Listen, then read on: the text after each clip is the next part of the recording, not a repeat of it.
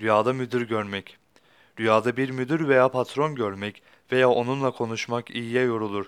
Mevkiinizin yükseleceğiyle ve işinizden dolayı takdirname alacağınız, alacağınızla yorumlanır. Rüyada görülen müdür veya müdürler, yüksek dereceli memurlar ve baş idareciler, her biri yaptıkları görevlere göre tabir olunurlar. Diyanet ile ilgili bir idareciyi, müdürü rüyada görmek, hayırla ve itibar, şerefle yorumlanır. Görülen rüyalarda bu şahısların hal ve davranışları da göz önünde bulundurulur. Bundan başka rüyayı görenin de mevki ve görevi dikkate alınır. Bütün bunların toplamıyla görülen rüyanın yorumu yapılır demişlerdir ünlü yorum ustaları.